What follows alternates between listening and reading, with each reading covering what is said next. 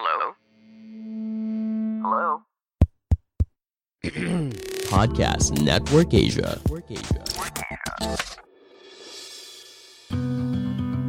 Hai, sekarang Stoikes ID sudah didukung oleh Podcast Network Asia. Buat teman-teman yang ingin mempelajari lebih lanjut tentang podcast atau kalian ingin tahu gimana caranya memonetisasi podcast, boleh banget loh kepoin dan ikuti media sosial Podcast Network Asia atau melalui situs web di podcastnetwork.asia.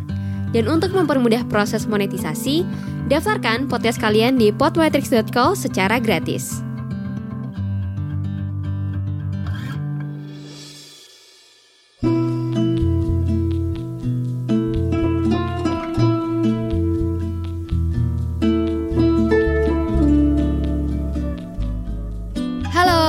Kabar teman-teman? Berjumpa lagi dengan saya, Sita Putri di episode terbaru Stoikes ID.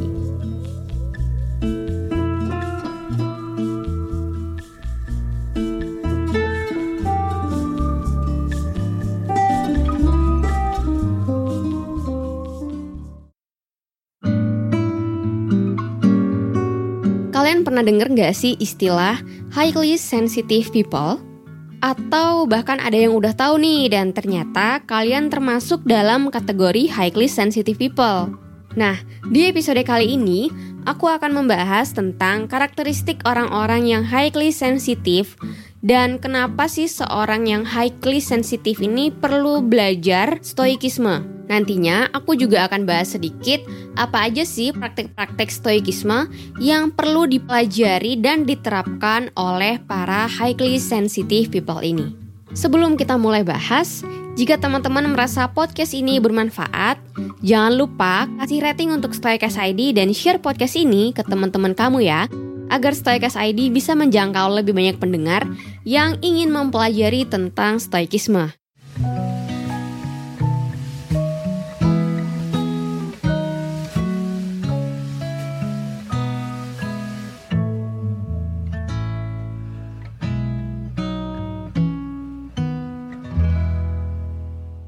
Sebelum kita masuk ke alasan dan praktek-praktek apa saja yang perlu dilakukan oleh para highly sensitive people ini, kita akan bahas dulu ya, sebenarnya HSP itu apa sih?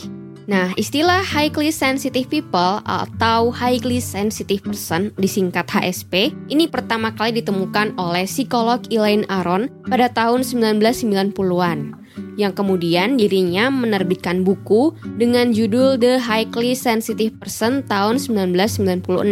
HSP ini merupakan salah satu trait kepribadian yang ditemukan pada 15 hingga 20% populasi di seluruh dunia dan tidak termasuk gangguan psikologis. Ingat ya, HSP ini bukan gangguan psikologis tapi merupakan trait kepribadian gitu. Orang-orang yang dilahirkan sebagai HSP ini terkadang disebut sebagai orang yang terlalu sensitif. Nah, hal ini dikarenakan cara kerja otak mereka ini sedikit berbeda dari orang pada umumnya. Karena mereka ini memiliki sensitivitas dalam pemrosesan sensorik yang ada di otak.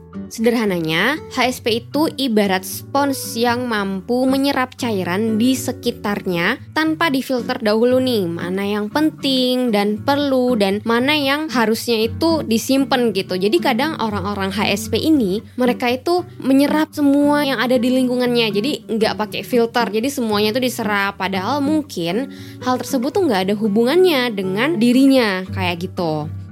Akibatnya, para HSP ini menjadi kewalahan karena banyak informasi yang memenuhi kepalanya dan hal ini menjadi beban pikiran bagi mereka. Jadi mereka akhirnya jadi mudah cemas, mungkin juga bisa bikin stres dan jadi tersinggung kayak gitu. Nah, ada empat karakteristik utama dari highly sensitive people menurut psikolog Elaine Aron. Karakteristik yang pertama itu adalah memikirkan sesuatu secara mendalam. Jadi, segala sesuatu yang dialami oleh HSP ini itu diproses secara mendalam, bahkan setiap pengalaman yang dialami oleh HSP ini tuh dalam hidupnya meninggalkan jejak dalam bentuk pikiran, perasaan, kesan, sensasi dalam tubuh, ingatan, hingga fantasi.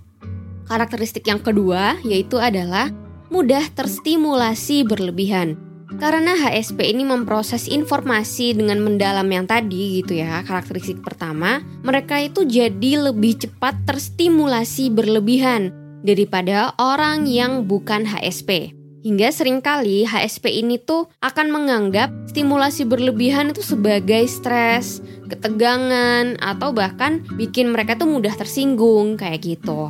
Kemudian karakteristik yang ketiga itu adalah sangat reaktif secara emosional. Nah, HSP ini cenderung bereaksi lebih emosional terhadap hal-hal di sekitarnya daripada orang lain dalam situasi yang sama. Reaktivitas yang emosional ini tuh diakibatkan karena HSP ini juga memiliki empati yang sangat tinggi. Jadi kalau ini contohnya dalam kehidupan sehari-hari ya, misalnya kita nonton suatu dokumenter atau nonton drama Korea series gitu ya. Kita tuh karena ada sesuatu yang sangat emosional gitu dan karena HSP ini dia mempunyai empati yang sangat tinggi jadi kita tuh kadang gampang untuk terharu gitu. Misal nonton video di YouTube terus ada yang kayak menyentuh hati kita tuh kita tuh gampang banget kayak nangis atau apa terharu. Padahal orang lain yang mungkin menonton video yang sama itu dia ya biasa aja mungkin terharu terharu tapi nggak kayak orang yang HSP gitu teman-teman Kemudian, karakteristik yang keempat ini adalah memiliki kepekaan yang tinggi terhadap lingkungan sekitar. Nah, oleh karena itu, HSP ini bisa menjadi sangat sensitif terhadap bahan kain tertentu.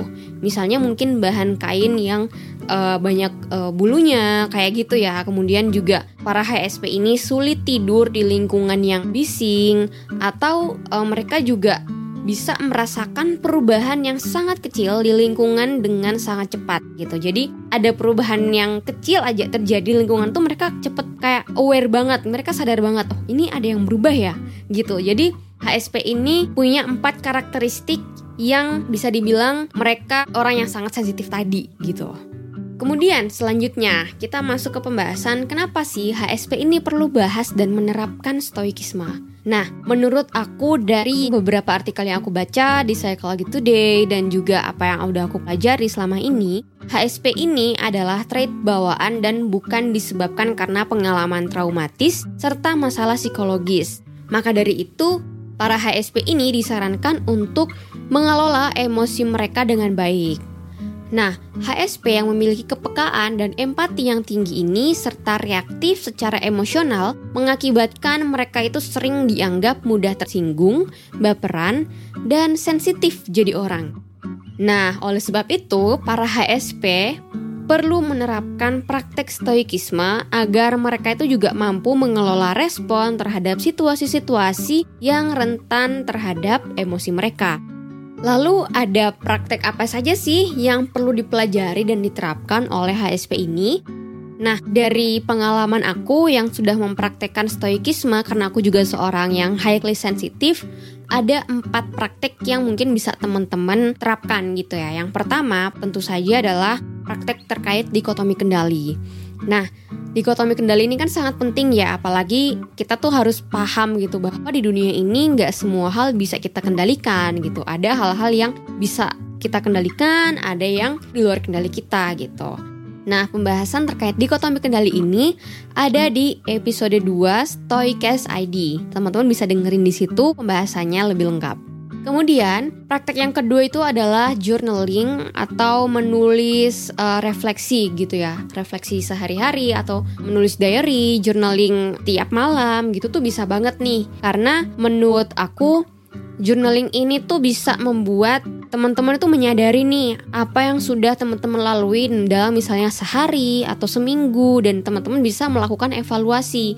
Oh, ternyata di hari ini aku sangat sensitif, aku pernah tersinggung. Aku hari ini ternyata mudah menangis. Kenapa ya? Jadi teman-teman tuh bisa melacak oh ternyata ada hal-hal yang men-trigger atau yang membuat teman-teman itu menjadi sangat emosional karena ada satu kejadian tertentu.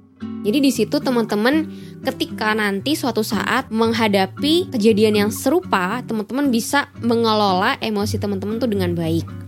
Kayak gitu. Kemudian, praktek yang ketiga itu adalah melakukan meditasi. Nah, kenapa bisa melakukan meditasi ini membantu orang dengan HSP ini? Karena meditasi ini bisa meningkatkan kesadaran kita, awareness kita. Kita jadi menyadari bahwa kekhawatiran itu tuh sebenarnya hanyalah sebuah pikiran, perasaan, dan suatu saat rasa khawatir itu juga akan menghilang dari pikiran kita. Kemudian praktek yang keempat ini adalah menerapkan konsep STAR atau disebut dengan Stop Thinking, Assess, dan Respond. Jadi ketika misalnya teman-teman menghadapi sesuatu yang mendadak kayak gitu ya kayak misalnya dapat kabar yang negatif atau misalnya dikritik oleh rekan kerja atau uh, dosen teman gitu teman-teman jangan langsung otomatis respon marah atau gimana gitu atau bisa nangis gitu ya karena kan orang yang HSP itu sangat sensitif teman-teman bisa berhenti dulu untuk memberikan respon otomatisnya, kemudian berpikir, oke, okay, uh, eh, memangnya kenapa gitu ya? Kita memikirkan terlebih dahulu, kemudian kita nilai gitu. Oke, okay, ternyata aku dikritik karena ada masalah ini. Oh, ternyata hal ini tuh bisa membuat aku lebih baik ke depannya. Kemudian selanjutnya teman-teman baru bisa memberikan respon yang bisa dibilang lebih netral gitu. Jadi nggak yang respon terbawa emosi kayak gitu. Terakhir, ada beberapa hal penting yang perlu teman-teman garis bawahi terkait HSP ini. Yang pertama, untuk mengetahui bahwa kamu adalah HSP, itu perlu adanya diagnosis dari psikolog dengan melakukan tes kepribadian. Jadi, meskipun teman-teman mungkin memiliki kriteria HSP yang tadi aku sebutin, teman-teman tuh harus tetap mengkonfirmasi nih hal tersebut dengan melakukan tes kepribadian bersama psikolog. Jadi jangan tes online gitu ya teman-teman. Kemudian yang terakhir itu adalah HSP itu bukan menjadi alasan untuk tidak berubah menjadi lebih baik gitu. Jangan sok-sokan bilang, ya aku orangnya emang gini, aku highly sensitive person. Itu adalah hal yang salah menurut aku karena kita jangan menggunakan alasan HSP ini sebagai dalih ketika kita bersosialisasi dengan orang lain gitu ya. Contohnya, karena kamu HSP gitu, kamu jadi menghindari dan menolak dikritik oleh orang lain. Padahal, kritik yang membangun dan disampaikan dengan tepat itu tuh sebenarnya baik untuk proses pengembangan diri kita ke depannya. Oke teman-teman, Sekian dulu episode Stoikas ID kali ini. Terima kasih sudah mendengarkan hingga selesai dan jangan lupa berikan rating untuk Stoikas ID dan share podcast ini ke teman-teman kamu ya agar lebih banyak orang yang tahu dan mempelajari tentang stoikisme.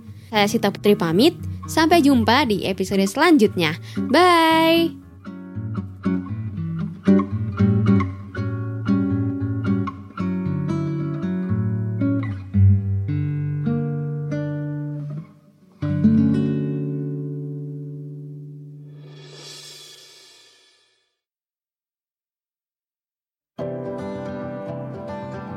Pandangan dan opini yang disampaikan oleh kreator podcast, host, dan tamu tidak mencerminkan kebijakan resmi dan bagian dari podcast Network Asia.